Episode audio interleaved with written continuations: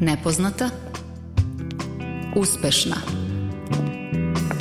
Udarna Kulturna Srećna i tužna Žena u kutiji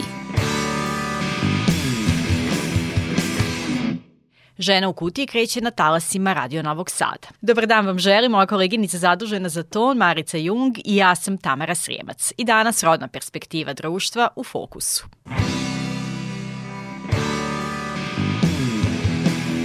Analiziramo kako je osvetnička pornografija definisana u zakonima Hrvatske i Crne Gore i zašto Srbija kaska u zakonskom definisanju tog oblika nasilja. Dramaturškinja i pozorišna rediteljka Milena Minja Bogavac sa svojom autorskom i bioorganskom predstavom Brzim pozorište gostuje u Novom Sadu. Šta mrzi u pozorištu objašnjava za ženu u kutiji. Čini mi se da pozorište možda propušta šansu da bude ono što treba da bude, a to jeste škola morala i škola empatije i nekakva vrsta društvene savesti. Predstavljamo i debitanski roman mlade Ane Bugarinović Konji moje duše, koja se obračunava sa brojnim rodnim stereotipima u društvu i predrasudama koje imamo o ženama drugačije seksualne orijentacije.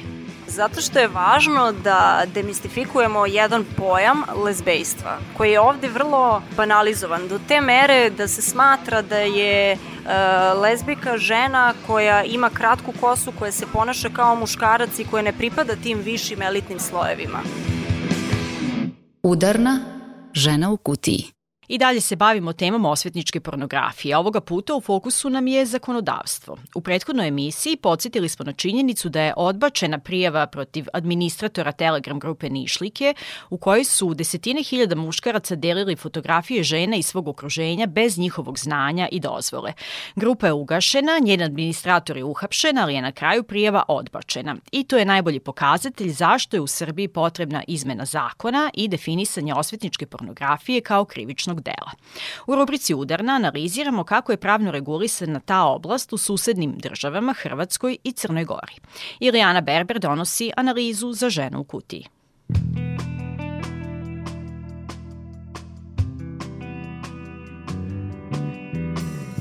Osvetnička pornografija koja je nekada bila prekršaj od jula 2021. u Hrvatskoj je, zahvaljujući izmenama krivičnog zakonika, postala zasebno krivično delo, objašnjava advokatica i pravna savjetnica u Udruženju Babe u Zagrebu Ines Bojić. E, da, točno da je u Republici Hrvatskoj od 31.7.2021 e, osvetnička pornografija uvedena u katalog kaznih dijela, kaznog zakona. U kaznom zakonu se to kazneno dijelo ne zove da kako osvetnička pornografija, govorimo o kaznom dijelu zlouporabe snimke spolno eksplicitnog sadržaja. Na uvođenje novog krivičnog dela u crnogorsko zakonodavstvo još se čeka, navodi novinarka Adrija televizije Magdalena Čelanović, jer od decembra prošle godine u Skupštini Crne Gore predlog još nije stavljen na glasanje. E, još 19. decembra Ministarstvo pravde je dopunom zakonika to proslijedilo Evropskoj komisiji. Evropska komisija aminovala, proslijedila Skupštini i ono što mene najviše naravno boli od svega je to što do dana današnjeg Skupština nije ništa uradila po tom pitanju. U Srbiji je i dalje sve na nivou inicijative, osim sporadičnih predloga koji dolaze uglavnom iz organizacija civilnog sektora. Državne institucije ne reaguju, kaže Vanja Macanović iz Autonomnog ženskog centra. Države Evrope pre ono kao rešile da stanu na put ovoj pojavi i posebno ono ko s jedne strane zato što ono prvenstveno pogađa žene, ovaj, kada se radi baš o ovom krivičnom delu, dok nekako naša država potpuno kaska, e, nema adekvatan odgovor, jako je spora u odnosu na to koliko se razvijaju sad ove načini na koji vi sve možete da vršite bilo koji oblik visokotehnološkog kriminala. Ali da čak i izmenom krivičnog zakonika posao ne prestaje, govori činjenica da se u Hrvatskoj radi o kaznenom delu koje se progoni na osnovu predloga, što podrazumeva da žrtva mora sama zahtevati da počinitelj bude gonjen. Za sve to postoji određeni vremenski rok koji je prema rečima advokatice Ines Bojić prekratak. To podrazumijeva da se kazneno dijelo i počinitelj treba prijaviti u roku od tri mjeseca od saznanja, što je prema našim iskustvima i sa nekim drugim kaznenim dijelima e, vrlo, vrlo kratak rok, te se nadamo da će u nekakvom budućem periodu kada se vidi način na koji se primjenjuje ova kazneno-pravna odredba ići i prema produljenju tih rokova. Bojić navodi da su kazne prema Hrvatskom kaznenom zakonu od jedne do tri godine, ali se za sada u praksi najčešće izriču uslovne kazne. Da, ono što smo mi do sada vidjeli, vidjeli smo uh, uvjetne kazne. Naše očekivanje da će to tako i dalje biti. Um, premda uh, smatram, mi se uvijek zalažemo jel, za strožu politiku kažnjavanja, um, kazneni zakon u ovakvim mogućnostima kada su pr propisane um, za ovakve jel, kazne zatvora, tu govorimo o kazni zatvora do jedne godine, tu se čak može počinitelju izreći novčana kazna. Da će se slično dešavati u Crnoj Gori plaši se novinarka Magdalena Čelanović te navodi da su predviđene kazne kada se izmene zakona izglasaju od 2 do 5 godina zatvora. E, Vlada tvrdi da, su, da se istakla u odnosu na prethodne po izmjenama ovih zakonika, ja se slažem, ali mislim da to treba biti mnogo oštrije, mnogo efektivnije i mnogo preciznije, zato što su posljedice po život žrtve trajne i nekada posljedice nažalost su imale fatalan ishod. Zašto je u Srbiji potrebna izmena zakona najbolje pokazuje slučaj grupa Nišlike na platformi Telegram u kojoj su desetine hiljada muškaraca delili fotografije žena iz svog okruženja. Grupa je ugašena, njen administrator uhapšen, ali je na kraju prijava protiv njega odbačena, objašnjava Vanja Macanović iz Autonomnog ženskog centra. I e, ono čime smo mi razočarane, ali u ime stvarno svih žena koje su bile žrtve na tim telegram grupama, to je činjenica da su mnogi od njih u, u istraživanju koje je bilo rađeno govorile o tome koliko su bile nebezbedne nakon toga, koliko su ih presretali nepoznati muškarci onog na ulici, zato što su njihove slike bez njihove saglasnosti bile deljene. Kako su i bili njihovi brojevi telefona, drugi kontakt, ono, adrese preko Instagrama ili bilo čeg drugog, kako su ih na taj način ono, kontaktirali, kako su one ozbiljno plašile za svoju bezbednost kada izađu napolje, mislim, ono, kao na ulicu ili bilo gde. I dok se bez izuzetka u zemljama u regionu javno govori o izmenama zakona i mogućim kaznama za počinitelje tog krivičnog dela, žrtvama osvetničke pornografije posvećuje se malo pažnje. Sistem ih ne podržava kako i koliko bi trebalo i na posledku u svim zemljama u regionu jedno je isto. Žrtve se osjećaju osramoćeno i izolovano iz društva. A posledice, kaže novinarka televizije Nova u Hrvatskoj Josipa Krajinović, nisu ništa manje ozbiljne nego kod drugih oblika seksualnog nasilja. Za Dnevnik Nove TV radila sam priču o osvetničkoj pornografiji i razgovarala sam sa ženom koja živi u malom hrvatskom gradu koja je objašnjavala koliku traumu proživljava, kako dok hoda ulicom za njom se okreću kao da je neko čudovište. Što je najgore rekla mi je kako je zbog svega oboljela od karcinoma, a mi još uvijek živimo u društvu u kojem se u žrtve upire prstom. A da bismo naučili da ne upiramo prstom u žrtvu, neophodan je doprinos medija koji imaju snagu da osveste društvo o tom problemu te da razotkriju i objasne javnosti sa kakvim se sve posledicama žrtve osvetničke pornografije suočavaju, poručuju novinarke iz Hrvatske i Crne Gore. I koje posljedice to sve ostavlja za njihovo mentalno zdravlje, Također, važno je što više javno govoriti o ovom problemu kako bi se i same žrtve ohrabrile da prijave počinitelja, a znamo i ono što nam govore i udruge i psiholozi kojima se žrtve javljaju kako se zapravo rijetko usude i prijaviti to kazneno djelo. Nažalost, često čujemo da žene sebe okrivljuju, makar ovdje u Crnoj Gori, što im se to desilo. Osjećaju sramotu da, da nekome to ispričaju, a kamoli ne daj Bože da prijave nadležnom organu. Tu je strah od javnog mijenja, osuda od porodice, društva i sl. Mnoge žene osvetničku pornografiju ne vide kao zakonski prepoznatljiv oblik nasilja, čak i ako dođe do objavljivanja privatnih snimaka. Žene moraju se osvijestiti da to nije sramota i da nisu krive jer su nažalost nekome nekada vjerovale. Čelanović kaže da natpisi u medijima o pojedinim slučajevima osvetničke pornografije u Crnoj Gori imaju veliki odjek, ali kako tvrdi, ne iz valjanog razloga. Ne zbog osude nasilnika, nego samo iz radoznalosti da se vidi koji je žrtva i može li kako još više da se stigmatizuje, a nasilnik naravno da se digne na pijadestal. Mali postotak njih osudi nasilnika, što dalje znači, bar po mom nekom skromnom sudu, pod hitno reforma obrazovanja, reforma digitalne pismenosti od malih nogu, jer kad već živimo u digitalnom dobu, pa shodno tome moramo se i digitalno i tehnološki opismeniti. I zato ih treba ohrabriti da prijave takav vid nasilja, da traže pravdu, ali i pomoć od stručnjaka koji su najčešće obučeni za rad sa žrtvama u nekoj od organizacija civilnog sektora, poručuje Ines Bojić iz Udruženja Babe u Zagrebu. Ne jednom smo se susreli sa situacijom da nam žrtva kaže pa ja sam došla, mene su ismijali, nitko me nije htio slušati, drugi puta kada je došla u pratnji nekoga ko to razumije, ko zna, tretman je bio puno, puno drugačiji. U Srbiji za sada Vanja Macanović kao jedinu zaštitu vidi mogućnost da žrtva nakon što prebrodi osjećaj sramote ceo slučaj objavi javno, jer sistem još nije spreman da zaštiti ženu sa iskustvom osvetničke pornografije. Ona navodi da je taj proces u našoj zemlji izuzetno spor, a dok kaskamo za zemljama u regionu poput Crne Gore i Hrvatske, žene u Srbiji ne smeju ostati same. Hvala Ilijani na priči, a upravo pesma sama je ono što slušamo u nastavku. Pesma za svaku ženu, za žensku hrabrost, borbu, odlučnost. Damir Urban, sama. Kuc, kuc, u srednoći čuješ zvuk, budna si, al oči ti ne otvaraš, jer znaš, to na kapke kuca mrak, to na kapke kuca mrak.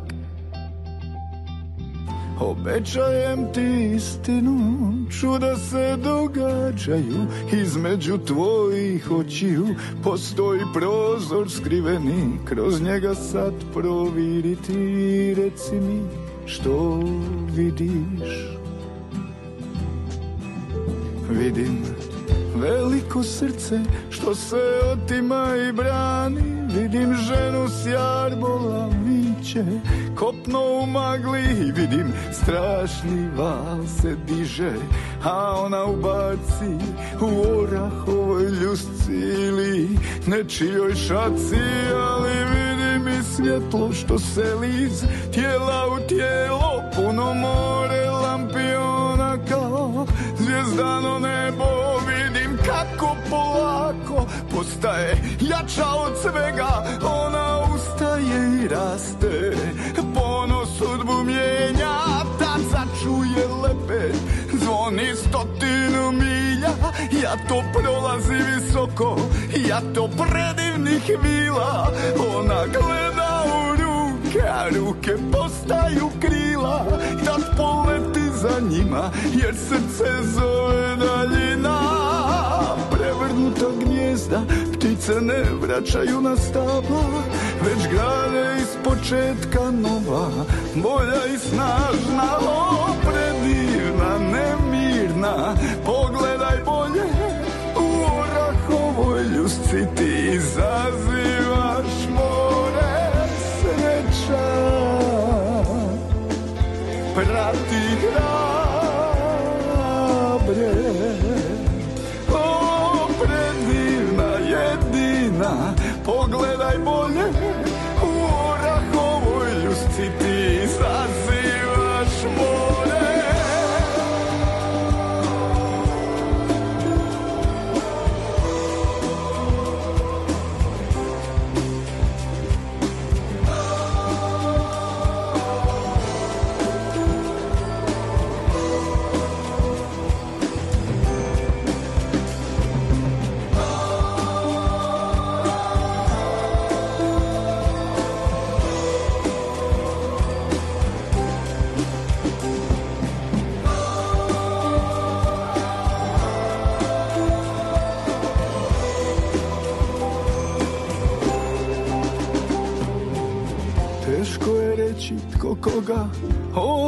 sanja Dok zagrljaj tješi svaka žena je sama. Ponesi što možeš ponijeti sa sobom Sve ostalo pusti. Kad kažeš s Bogom Sreća prati hrabre Hrabre prati sreća Od svega što prijeti Tvoja ljubav je veća O, predivna, nemirna ljusci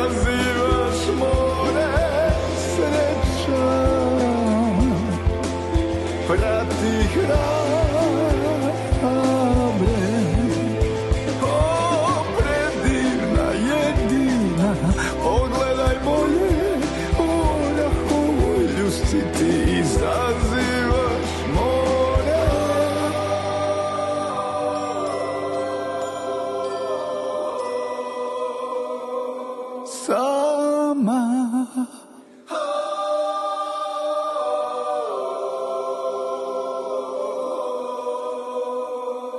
Sama. Kulturna.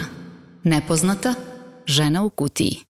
U subotu u Novom Sadu na Međunarodni dan nasilja prema ženama u okviru autonomnog festivala žena između ostalog nastupa i spisateljica, dramaturškinja i pozorišna rediteljka Milena Minja Bogavac.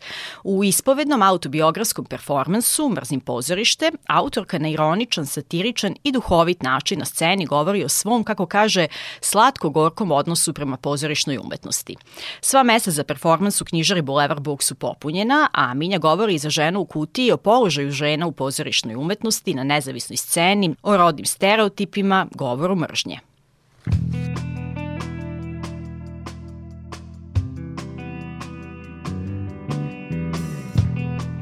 Minja, ti si od svoje 20. godine u profesionalnom pozorištu i znači evo, malo više od dve decenije takvog iskustva su te dovele do monodrame u kojoj poručuješ mrzim pozorište. I naravno jasno je svakom ko prati tvoj rad da ne mrziš pozorišnu umetnost, da se ta mržnja odnosi na nešto drugo i jednom prilikom si kao odgovor na pitanje šta mrziš u pozorištu i u vezi sa njim rekla da je pozorište ogledalo društva. Da li možeš i sada za ženu u kutiji da to obrazložiš i pojasniš? Pozorište ne može da se posmatra kao neki fenomen koji je izdvojen od društva jer se pravi za društvo, pravi ga društvo, pravi se od ljudi i govori o ljudima i govori o društvu. Pozorište je naravno javni čin, a čini mi se da je javna sfera u našoj zemlji pretvorena u nešto izuzetno opasno. Čini mi se da se nasilje i normalizovani govor mržnje u javnoj sferi pretvara u zapravo fizičko nasilje i u ovaj jedan haos od društva u kome živimo i u kome više niko nije bezbedan. Ja sam na početku svoje, kako kažeš, duge pozorišne karijere zaista imala neke iluzije o tome da pozorište može i treba da pokuša da menja svet na bolje, ali mi se nekako čini da u ovoj i ovakvoj kulturnoj sredini kakva je danas, pozorište više ni nema te ambicije. I čini mi se da pozorište možda propušta šansu da bude ono što treba da bude, a to jeste škola morala i škola empatije i nekakva vrsta društvene savesti. Uverena sam da u pozorištima Srbije rade ljudi koji posjeduju veštine da razumeju jednu socijalnu situaciju, jedan socijalni kontekst, eh, jednu nasilnu situaciju i mogu da razumeju i analiziraju različite javne diskurse. E, znam da je to tako ne samo zbog toga što je u prirodi pozorišta da se takve stvari znaju, već i zato što e, već vrlo dugo mi o tome nekako pričamo međusobno, među kolegama i pričamo o tome tiho u pozorišnim bifejima, onda nekako kada dođe do naših repertoarskih odluka ne vidim to razumevanje i ne vidim tu hrabrost. U komadu Mrzim pozorište, kažem da ja pre svega mrzim ovaj svet, da pozorište čini najveći deo mog sveta i to je zaista tako pozorište je bilo moja, da kažem, najveća strast i, i obsesija i ne samo posao, već mnogo više neki egzistencijalni razlog zašto živim, neka vrsta smisla, a čini mi se da u ovako sumornoj i nasilnoj društvenoj atmosferi ni pozorište nije ospelo da ostane nekompromitovano. Da, u toj atmosferi kakvu opisuješ, ti si sada trenutno samo na nezavisnoj kulturnoj sceni, trenutno si direktorka Reflektor teatra, deo kreativnog tima Centra E8, stalna saradnica Bitefa i kada pratimo tvoj rad e, i nekada u instituciji i na nezavisnoj sceni, stičemo utisak da zapravo jedino pristaješ na pozorište kao aktivizam i borbu. Koje su nam borbe potrebne i u pozorištu, ali i van njega? 20 godina ja i ja sam radila paralelno u institucijama i na nezavisnoj sceni. Sada mi se čini da mi je preostao samo rad na nezavisnoj sceni. Nije u pitanju nekakav moj lični izbor ili ne znam, nekakva moja principijelnost, U pitanju je činjenica da me odavno zaista niko ni ne zove da nešto u institucijama radim, a da sam možda iz te neke pozicije pomalo apartne stekla i ja neku vrstu cinizma i ironije. E, verovatno sam doprinela takvoj situaciji sama, ne toliko svojim predstavama, ne vidim da su one toliko revolucionarne i pobunjene, nego koliko nisam držala jezik za zubima kada su u pitanju neke javne stvari. I dalje smatram da je odgovornost e, umetnika ili umetnice da govori o stvarima koje društvo zapaža i ne tvrdim da bih nešto uradila drugačije, ali možda eto sa te pozicije trenutno iz Reflektor teatra gde e, zapravo imamo nezavisnu trupu koja imitira repertoarsko pozorište, imam neku određenu vrstu novog besa prema institucijama jer mi je potpuno jasno da nas troje i po dakle zaposlenih u Reflektor teatru, može da radi posao kakav rade neke institucije sa 40 i 50 ljudi na plati i na javnom budžetu. Vrlo sam svesna šta su, da kažem, udobnosti institucije i rada u institucijama kulture i šokirana sam koliko ljudi koji tamo rade ne razumeju da su te institucije javne i da resurse koje one imaju ne pripadaju dakle samo njima, niti su njihovi privatni, već su nešto što pripada svim građanima i trebalo bi pravedno da se deli. Nisam u ovome nekako usamljena. Ima mnogo vrlo kvalitetnih i vrednih e, kulturnih radnika i radnica i autora i autorki koji zaista imaju šta da kažu, a već dugo ih ne vidim nigde na repertoarima institucija, pa čak i neki ljudi koje u pozorištu smatramo super zvezdama, sve više rade u inostranstvu ili njihove predstave dolaze negde iz regiona da ih mi u Beogradu vidimo.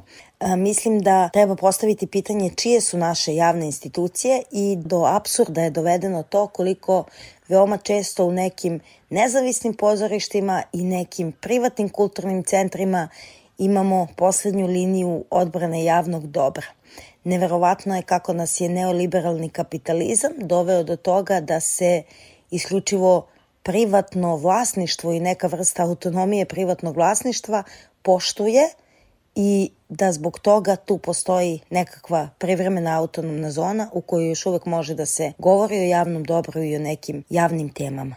Volila bih da razgovaramo i specifično o ženama u umetnosti, jer kada je reč o umetnicama, borba iz pozorišta se vrlo često preliva na borbu u privatnom životu, nekada bukvalno u borbu za život e, zbog položaja žena u kulturi i na nezavisnoj kulturnoj sceni. U jednom istraživanju koje se zove Rodna ravnopravnost za kulturnu raznolikost, koje je sprovedeno tokom prošle godine u okviru nezavisne kulturne scene Srbije, zatim Centra za empirijske studije Jugoistočne Evrope i kolektiva FEMIX, u kojem je učestvovalo više od 200 radnica u kulturi iz različitih delova Srbije, ispostavilo se da je zajedničko velikom broju žena to nedefinisano radno vreme, prekarni rad, nevidljivost u sistemu, niska zarada, niža zarada u odnosu na muške kolege i tako dalje. Koliko u startu taj položaj usporava borbu za bolje pozorište kao ogledalo društva? Istraživanje o kome govoriš imala sam prilike da ispratim, pročitam, imala sam prilike da prisustvujem prezentaciji tog istraživanja u EU Info Kutku Nišu i slušajući autorke i autora kako iznose te podatke statističke, doživela sam pravi pravcati napad panike. Veoma me je sve što sam čula podsjetilo na teme iz mog tada premijerno izvedenog performansa Mrzim pozorište i učinilo mi se da nešto što sam u komadu Mrzim pozorište predstavila kao moju ličnu ispovest, zapravo onom feminističkom logikom lično je političko, jeste neka stvar koja spaja veliki broj mojih koleginica. Ono što je posebno nekako da kažem simptomatično kod tog istraživanja je da to nije slučajni uzorak žena. To su visoko obrazovane žene. Veliki broj njih su doktorke nauka, veliki broj njih su direktorke ustanova kulture, veliki broj njih vode nekakve nezavisne organizacije koje rade sjajne stvari u kulturi. Dakle, rekli bismo da imaju čak i nekakav privilegovani položaj, da se barem bave nekim poslom koji, eto, trebalo bi da bude lep, da bude u interesu javnosti i ne previše naporan i onda kada tako sagledate kao šta bi trebalo da bude rad u kulturi, a koliko je on stalna borba i koliko su u suštini žene iz nekog višeg i bolje obrazovanog socijalnog statusa deprivilegovane, shvatite da Kada pogledate na drugu stranu, žene žive u još mnogo težim uslovima. Ovo me istraživanje još jednom podsjetilo koliko više ni jedna od nas nema prava na neke parcijalne borbe, već da moramo da se borimo za sve žene u svim profesijama, za sve radnice i za sve nas. E, ne postoji, mislim, ni jedno radničko pitanje ili ni jedno polje rada koje nekoga od nas ne bi trebalo da zanima jer se sa tim problemom ne poistovećuje, Čini mi se da su naša radnička prava stalno prekršena, a da naravno u sve to je duplo teže kada si žena, jer se suočavaš i sa stalnom mizoginijom koje mnoge žene kod nas nisu svesne, što ne znači da ona ne postoji. Mislim da ta nesvest upravo dolazi kao posledica mizoginije koja je na neki način normalizovana.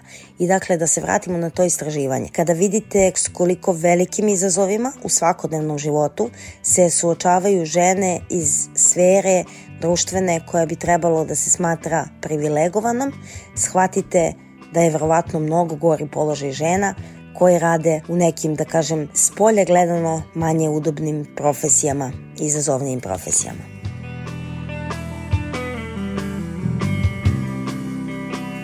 Spomenula si mizoginiju i u tom kontekstu bih voljela još da ostanemo na rezultatima istraživanja. Blizu 35% umetnica je doživelo da ih smatraju nekompetentnim ili manje kompetentnim u profesionalnom radu u sektoru kulture zato što su žene.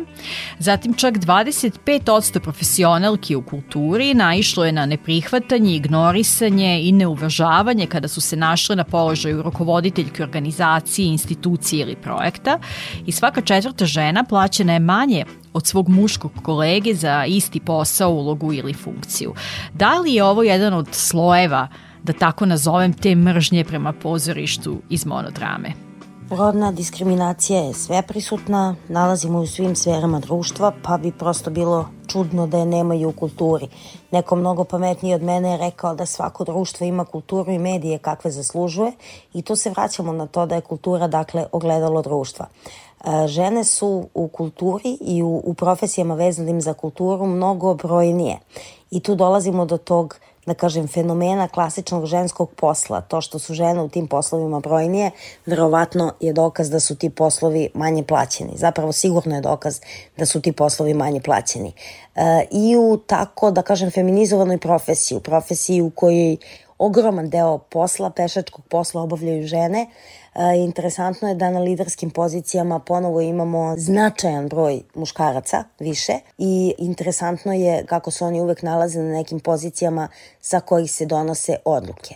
Moje drage koleginice Maja Pelević i Olga Dimitrijević u saradnji sa BFM-om i čini mi se još nekim organizacijama radile su istraživanje baveći se svojom predstavom Svet bez žena, gde su napravili vrlo jednostavne da kažem, statističke zapise o tome koliko je recimo žena autorki izvedenih na velikim scenama nekih ključnih institucija koliko je rediteljki zastupljeno na velikim scenama, koliko je spisateljica zastupljeno na velikim scenama, koliko je uopšte žena u onim, da kažem, velikim kredicima u kulturi, gde, gde vam se ime nalazi na plakatu, nekada radite neke sitne poslove. I ja, iako sam verovala da znam sve o rodnoj neravnopravnosti, ostala sam zabezeknuta time da je možda žensko stvaralaštvo o kom se zapravo u javnosti mnogo priča i da su profesije, dakle, ne znam, žene u pozorištu i autorke, gde mi već možemo da govorimo o tome da su neki ženski glasovi u tim, da kažemo, umetničkim sferama čak i dominantni, skoro je neverovatno koliko su malo zastupljene. Kada sam e, slušala jednu od debata vezanih za taj projekat, e, draga koleginica Ana Miljanić citirala je izreku koja je važila pre, ne znam, par decenija u Beogradu i glasila je mlada žena, mala scena. Čini mi se da se to odnosi na moje koleginice i danas. Evidentno je da što se ide ka manjim scenama, nekim skrajnutim scenama, nekim scenama koje nisu main stage-ovi velikih nacionalnih institucija kulture, odjednom dođete do tog većeg broja žena. Sada možda bi se s jedne strane moglo romantično pomisliti da žene vole da prave intimnije predstave, ali ne treba imati takve iluzije. Radi se o tome da je za te velike projekte na velikim scenama su uvek mnogo veći autorski honorari, ženama je prosto jako teško da do toga dobace. Ti si ipak jedna od malobrojnih žena koja je u jednom periodu svog rada bila na čelu institucionalnog pozorišta, pre nekoliko godina rukovodila si Šabačkim pozorištem. Kakvo iskustvo, koliki su bili izazovi u kontekstu teme o kojoj govorimo? Moram da kažem da sam se suočavala sa nekim potpuno novim vrstama izazova i u kolektivu i sa saradnicima i partnerima, gde sam ponekad imala toliko potrebu da dodam sebi na autoritetu, da sam stavljala muški parfem, ne bili se bar malo nekako hrabrila kada vodim neki sastanak. Tu se više ne radi o tome da li vi imate neko znanje, da li imate neku kompetenciju, da li imate dobru nameru ili takta da vodite neki sastanak. Radi se o tome da vas svi automatski oslovljavaju sa mlada damo, gospođice ili gospođo i vaš autoritet podrivaju na, onako da kažem, naj bednijem seksističkom nivou, nekako vas da kažem, diskreditujući, je li duplo. Kad ste dama i kad ste mlada, onda sigurno niste, ne znam šta, autoritativna direktorica pozorišta.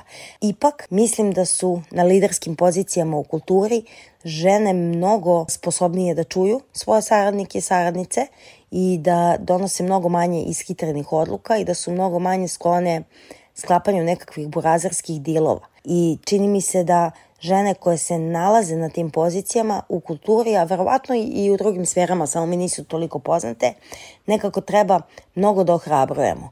Mi imamo često i tu neku eto, nedostatak solidarnosti među ženama i možda i neku kompetitivnost u koju nas uvlači i patrijarhat i neoliberalni kapitalizam i vrlo smo često skloni da osuđujemo žene za neke male loše poteze, ali nekako mi se čini da uvek treba gledati šta su dobri potezi koje su te žene sprovele i da e, zaista žene koje uspevaju da opstanu na liderskim pozicijama zaslužuju podršku svih na, nas drugih žena, jer su pre svega isklonije da razumeju e, probleme ili položaj drugih žena sa kojima u poslu dolaze u komunikaciju. Tu baš mislim i na pitanja rodno zasnovanog nasilja, za koje su žene na liderskim pozicijama mnogo, da kažem, senzibilisanije i pokazuju mnogo više razumevanja, a čini mi se da smo poslednjih godina mogli da vidimo da različiti oblici rodno zasnovanog nasilja i seksualnog nasilja postoje u gotovo svim institucijama u našem društvu. Posebno je teško kad su to obrazovne institucije ili institucije kulture.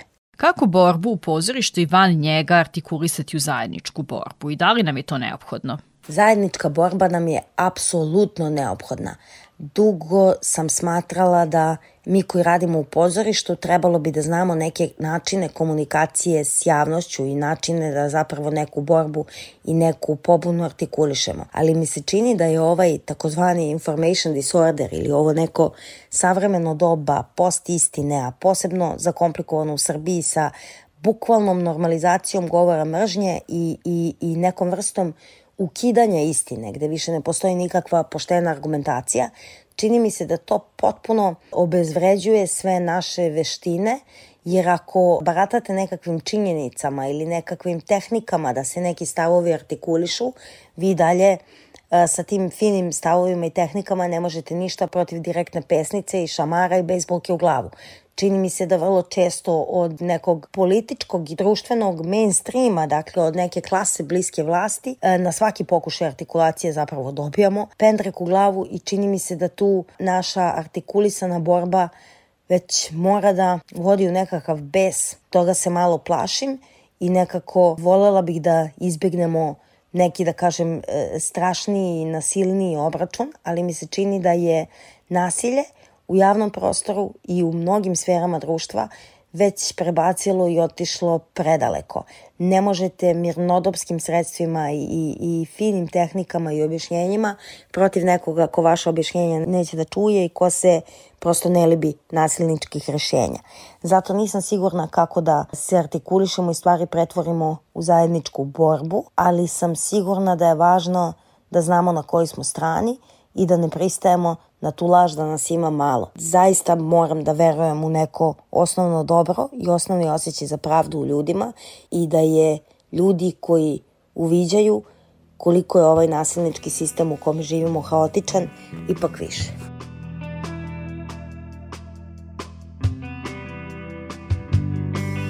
Spomenula sam u uvodu da je Mrzim pozorište pred novosadskom publikom baš na Međunarodni dan borbe protiv nasilja nad ženama 25. novembra i početka kampanje 16 dana aktivizma i tu u okviru autonomnog festivala žena. I bez izuzetka tog 25. novembra svake godine čujemo na vestima poraznu statistiku i uvek vest tog dana o položaju žena počinje sa uh, sličnom rečenicom u porodično-partnerskom nasilju toliko i toliko žena izgubi život. Taj broj gotovo nikada nije manji od broja 30 u toku jedne godine i ne smanjuje se, čak se povećava. Koliko tebe ta činjenica uznemiruje i privatno i profesionalno? Porazna statistika femicida lice i naličje našeg društva. E, mi možemo da kažemo da je to i globalni fenomen, ali mi se čini da, da kažem, po glavi stanovnice e, e, e Srbija zaista tu statistiku ima u veoma crnim i veoma zastrašujućim brojkama i koje ne postaju bolje. Jedino što primećujem da postaje gore ili opasnije jeste način na koji ove vesti komentarišemo. E, bukvalno vesti o femicidu u poslednje vreme prolaze ne samo sa nekom vrstom okrivljavanja žrtvi, ne samo uz neku vrstu senzacionalističkog izveštavanja, već bukvalno možemo da vidimo na društvenim mrežama da se tretiraju kao vic, da se ljudi zabavljaju teškim ubistvima kao da je u pitanju nekakav reality, kao da je u pitanju nekakva serija koja eto kao kada se završi ovaj zaplet svi će ti ljudi ustati i ponovo biti živi. Mislim da e, je tragično da i pored toliko napora nekih ženskih organizacija država i dalje nema nikakav način da prati broj femicida i da možda broj kojim raspolažemo i kojim se barata 25. novembra, da, da je zapravo realni broj možda i veći i da je posebno porazno što država ne preuzima nikakvu vrstu odgovornosti da se u odnosu na te brojeve koji postoje preduzimaju nekakve mere i mere prevencije. O prevenciji rodno zasnovanog nasilja samo se priča, ali se ništa ne uvodi kao sistem i ne posmatra se to sa neke naučne strane. Budući da radimo u organizaciji Centar E8 i da se e, bavimo mladima i da je prevencija nasilja jedna od naših najzastupljenijih tema ili tema u kojoj imamo najveću oblast, ja mogu da kažem da to nije neki svemirski brod, da to nije neko što niko ne radi, što se ne radi u drugim društvima i što nije ispitano. Postoji naravno nekakav holistički pristup tome i moguće je kroz edukaciju e, različitih društvenih grupa stvoriti bezbedniju atmosferu za žene, ali se čini da naše društvo i naše institucije vrlo neadekvatno reaguju i sa druge strane vrlo uspešno izbjegavaju programe prevencije iz nekakvih, pa opet razloga povezanih sa nasiljem i sa mizoginijom. Volela bih kada sledećeg 25. novembra ne bismo svedočili novoj jezivoj statistici i volela bih kada bismo rešavanjem ovog pitanja se bavili 365 dana u godini, a ne u toku ovih 16 dana aktivizma. Ono što je možda svetla tačka, to je da su mlađe generacije devojaka i devojčica odlučnije u tome da je neophodno obračunavanje sa rodnim stereotipima, spremnije su glasno da govore o nepravdi i da prepoznaju rodno zasnovano nasilje i to je između ostalog ilustrovano i u tvojoj predstavi devojčice. Naravno, ne možemo samo tim devojčicama prepustiti borbu za bolje društvo, ali da li one jesu optimizam ako bismo ga sada tražile na kraju našeg razgovora? Kada gledam nove generacije mladih žena i devojaka, a gledam ih često jer imala sam i mnogo prilika da radim sa njima, zaista mi se čini da koliko god ponekad čitava naša borba izgledala uzaludno i sve naše kampanje i sve naše edukacije i sve čime se kao nekakve predstavnice jeli, ženskih organizacija bavimo već godinama, zaista kada vidim novu generaciju čini mi se da ima progresa, da iako je mali, stasavaju devojke koje su u stanju da imenuju neke oblike nasilja i koje su u stanju da se tome odlučno suprotstave. Svet i društvo nisu bolji prema njima, one zbog toga nisu srećnije, ali mi se čini da su, recimo u odnosu na generaciju koju ja pripadam, mnogo jasnije opremljene nekakvom terminologijom. U vreme kada sam ja odrastala, e, mnogo seksualnog i rodno zasnovanog nasilja nismo znali kako da nazovemo, nismo znali da ga prepoznamo, za njega nismo imali reč. Činilo se da je uloga devojčice ili devojke ili mlade žene da se nekako zaštiti, da ne provocira, da od nekih stvari pobegne ili je prosto napravila grešku pa da kažem eto, zaslužuje neku vrstu nasilja i izuzetno mi je drago što vidim da devojke danas e, ne prihvataju takav poredak stvari kao normalan i da su vrlo u stanju da nazovu nasilje onako kako treba. Iskreno, verujem u nove generacije, ali nekako mi se čini da možda i, i njih je obeležilo to što odrastaju u izrazito nasilnom društvu. I evo mogu da kažem ovako da se nadam da će u godinama koje su pred njima usvojiti možda još više nekih znanja i više solidarnosti i više razumevanja feminizma kao koncepta slobode i da će nekako prihvatiti čitavu tu žensku borbu, ne samo delove koji se uh, tiču te neke, da kažem, direktne zaštite ličnog integriteta od nasilja. Čini mi se da od nekih starijih generacija feministkinja, mlađe generacije mogu puno da nauču inkluziji, a da sa druge strane mi od e, mladih devojaka danas možemo puno, puno da naučimo o odlučnosti u suprotstavljanju nasilju i tačnom imenovanju nasilja. Hvala Minji na ovom iskrenom i otrežnjujućem razgovoru, a vas pozivamo da dođete na autonomni festival žena u knjižaru Boulevard Books u petak i subotu. Sa programom se možete upoznati na internet stranicama festivala, a uz govorni program tu je i muzički. Koncert Eve Brown u akustičnoj verziji Vasketa i Alberta i kao poziv na festival slušamo njihovo Jadransko more. Kao kad Jadran sanja u tami i kao mesec na tvojoj pižami. Ko kad se stisneš uz mene pred zoru kao koala kao na moru. Kao kad čitaš svaki moj korak stopalom zlatnim kad kročiš i dodirneš oblak. I kao talas i miris bora kao tvoj ukus ko pena mora. I malo po malo ja iz tvog daha nastajem a svemir se smeši od kada tebe poznaje. Malo po malo ja se opet predajem i ne brine sve dok mogu da te nasmeje. Ko rano jutro kad svetlo se sprema i kad na plaži još nikoga nema ko kad mi pričaš a ja poletim gore jer u tvom glasu čuje se more kao kad nebo preleti galet I kao kada za tobom ja izgubim pamet. Kad naša imena na pesku se stvore U tvom je oku Jadransko more. I malo po malo ja iz tvog daha nastajem svemir se smeši Od kada tebe poznaje. Malo po malo Ja se opet predajem. I ne brine sve dok mogu Da te nasmeje Ko svetionik I maestrali se sretnemo noću na Jadranskoj magistrali.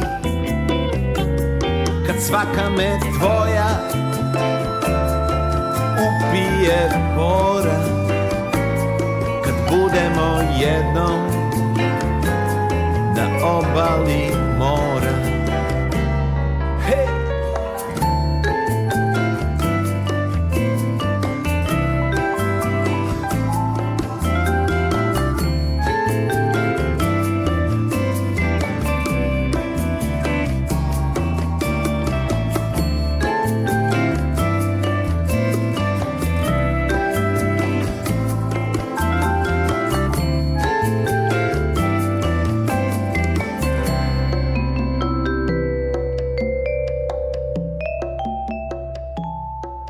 Uspešna.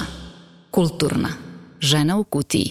Debitantski roman mlade Ane Bugarinović, Konji moje duše, objavljen je ove godine u Zenitu i doživeo je svoju prvu promociju u istoimenoj novosadskoj knjižari. Autorka kaže da je to tek početak njene književne turneje, a u prostoru knjižare, u atmosferi nakon promocije, koleginica Isidora Bobić je sa književnicom razgovarala i pokušala da nam dočara zašto je reč o jednom od najhrabrijih literarnih podviga u savremenoj književnosti.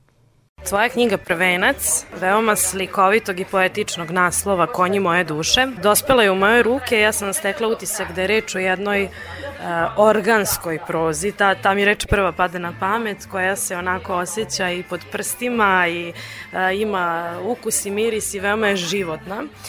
U takvo jedno pismo utkana je priča o junakinji koja je, rekla bih, podeljena na dve sebe, na svoju ulogu i status u društvu, odnosno ono kako je zajednica vidi, senjenu karijeristkinju, akademsku profesorku, vidjet ćemo zašto je to značajno, ali i na intimnu sebe, na sebe sanjarku. E sad, u tim intimnim sanjarenjima rađa se jedno posebno iskustvo, a to je čežnja žene za ženom. Veoma mi je važno da preciziramo da li si govorila o lezbijskom iskustvu ili o jednom širem ženskom iskustvu koje je možda poznato ženama i koje se ne opredeljuju kao da su deo uh, LGBT populacije u društvu. Pitanje je sjajno, hvala ti pre svega. Jedna njena polovina jeste uh, akademska, jeste građanska, ali nikako i malograđanska. Njena druga polovina je fokusirana na njenu unutrašnjost, na njen misalni habitus koji je ona godinama gradila, međutim mi govorimo o junakinji koja je vrlo emocionalno inteligentna u smislu mapiranja sobstvenih emocija. Sa tim ciljem ona pronalazi načine da dođe do stvari koje je duboko ukopala u sebi. Na to su uticale mnoge stvari iz njenog detinstva, na to su uticali njeni odnosi sa roditeljima, na to je uticalo društvo i sve društvene stege koje su zapravo nju izgradile kao individu, jer junakinja ima 36 godina, profesorka je na fakultetu i predaje etiku. Nije ni slučajno zašto je u pitanju predmet etika, ali svakako je koncept e, njenog bića vrlo slojevit i priča o njoj je upravo i takva. Ti si ovaj roman unela i neke elemente akademskog romana atmosfera studenjaka, atmosfera fakulteta, zašto je ona bila nasušna da bi se priča ispričala? Zato što je važno da demistifikujemo jedan pojam lezbejstva, koji je ovde vrlo banalizovan, do te mere da se smatra da je e, lezbika žena koja ima kratku kosu, koja se ponaša kao muškarac i koja ne pripada tim višim elitnim slojevima. To je zapravo poenta zašto je glavna junakinja ove knjige upravo žena koja je vrlo uspešna, koja je akademski akademski obrazovana i osvešćena pre svega. Ženstvena, to isto moram da istaknemo, ona je jako lepa, zgodna, ona privlači poglede kako muškaraca, tako i žena, ali mi govorimo o njenoj potisnutoj seksualnosti koja je sigurno na neki način univerzalan problem a, danas mnogih. A zašto je bilo važno da tu takvu junakinju smestiš u jedan e, primorski grad u Italiji. Zašto Mediteran? Zato što to priči daje na eleganciji, daje na sofisticiranosti, a junakinja je upravo zamišljena kao takva ličnost. I isključivo kao takva ona može da se uh, ističe najbolje u jednom primorskom mestu u Italiji koja je zapravo zemlja lepote, visokog ranga, koja je zemlja estetike, koja je zemlja uh, ne znam svega što za jednog prosječnog Srbina zapravo predstavlja nivo ne znam sofisticiranosti recimo. A zašto si se opredelila uh, da priču ispričaš iz ugla svevidećeg pripovedača? Zato što je priča vrlo slojevita i smatrala sam da je to najbolji način da priča ne dolazi iz prvog lica, već da ima tu naratorsku crtu. Naročito zato što mi je naracija kao način pripovedanja najbliskija i smatrala sam da će na najbolji način ispratiti sve junake, njihove unutrašnje svetove, ali i generalno njihov spoljašnji odnos prema svetu. Osim Lukrecije, glavne junakinje, ovde ima još važnih e, ženskih likova koje grade nekakav odnos sa njom. Iako njih tvoj pripovedač, jel, vrlo slikovito prikazuje, oni su iznijansirani fizički, psihološki u svakom smislu, ali se karakterizacija recimo ne dešava kroz njihov diskurs, odnosno primetila sam da sve žene govore na sličan način, čak i na sličan način kao pripovedač. Da, svaka junakinja priča skoro istim jezikom, jer nam to govori da su sve one istog jel, statusa društvenog, da su sve visoko akademski obrazovane i da dele iste probleme, da su savremenice i da na taj način komuniciraju istim jezikom i na neki način je jezik i poveznica između njih. Tako da ono što je meni fascinantno u književnosti i u svakom književnom delu jeste kada pisci imaju tu različitost govorenja junaka, ali sam sa namerom se priključila ovoj drugoj struji. Ja sam nekako to tako osetila čitajući. E, dominantan u, percepciji glavne junakinje jeste doživljaj sebe izvan realnosti. Ona je više kako kažeš, promatrač nego akter svog života. E, da li vezuješ takvu psihološku strukturu ličnosti i za društveni kontekst e, savremenog života ili ne? Da li je to popularno zvano overtinkovanje možda simptom društva? Odličan si termin upotrebila kada kažemo da je glavna junakinja ovog romana overthinker, ona to svakako jeste. I tekako je čest slučaj da mnogi naši prijatelji i poznanici za sebe govore da su overthinkeri.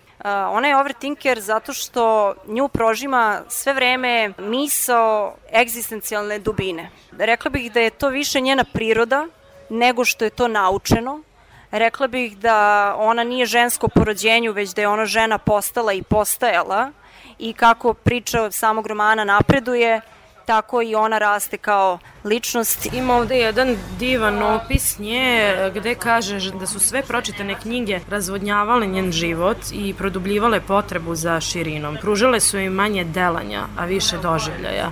Dakle, ona je stalno u tom nekom svetu neke meta emocije, odnosno promišljanja svojih emocija pre nego prepuštanja. Tako je ona je neko ko tim svojim, ajde da kažem, overtinkovanjem, ali možemo iskoristiti i neku lepšu reč na srpskom, recimo, konstantnim razmišljanjem, produbljuje uh, svoju esenciju uh, svog bića i generalno esenciju sveta u kojem živi. Uh, ona je neko ko mnogo čita, neko ko mnogo misli, neko ko konstantno uči svakoga dana i to je ono što je meni možda kao individu i danas nedostajalo i nešto što mi nedostaje u savremenom društvu, nedostaju mi ljudi poput nje. Kaži mi što se tiče samog iskustva pisanja romana, ja bih rekla da je danas hrabro napisati roman, zato što živimo u vremenu fragmentarnosti, živimo u vremenu u kom nemamo dovoljno živaca da pročitamo duži status na društvenoj mreži. Sad se sećam i Vladana Desnice koji kaže roman se piše samo kada gori kuća. Bilo tako ili ne, uglavnom neobično je da mlad čovek iznese zaista na pravi način jedan kompaktan roman. Duboko sam uverena da danas ljudi koji pišu knjige, bez obzira na njenu dužinu, da li govorimo o noveli, da li pričamo o romanu, romanu, da pišu isključivo i svoje potrebe. Mene je potreba naterala da napišem roman. To nije bilo pitanje moje organizacije ili biranje trenutka kada ću pisati. Ja ne mogu da ne pišem, jel? Tako je. To je nužda. Stvaranje i pravo stvaralaštvo zaista smatram da dolazi iz stomaka i ti si moju prozu s početka nazvala organskom i ja mislim da možemo je nazvati želudačnom jer mislim da je nastala iz želuca pre svega kao organa. Želim ti svu sreću i hvala ti mnogo još jednom. Dragi slušaoci, bila je to Ana Bugarinović, autorka knjige Konji moje duše.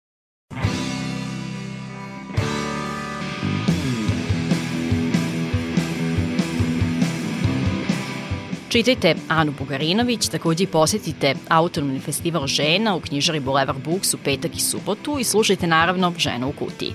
Pozdravlja vas moja koleginica zadužena za to, Marica Jung i autorka emisije Tamara Srijemac. Hvala na slušanju.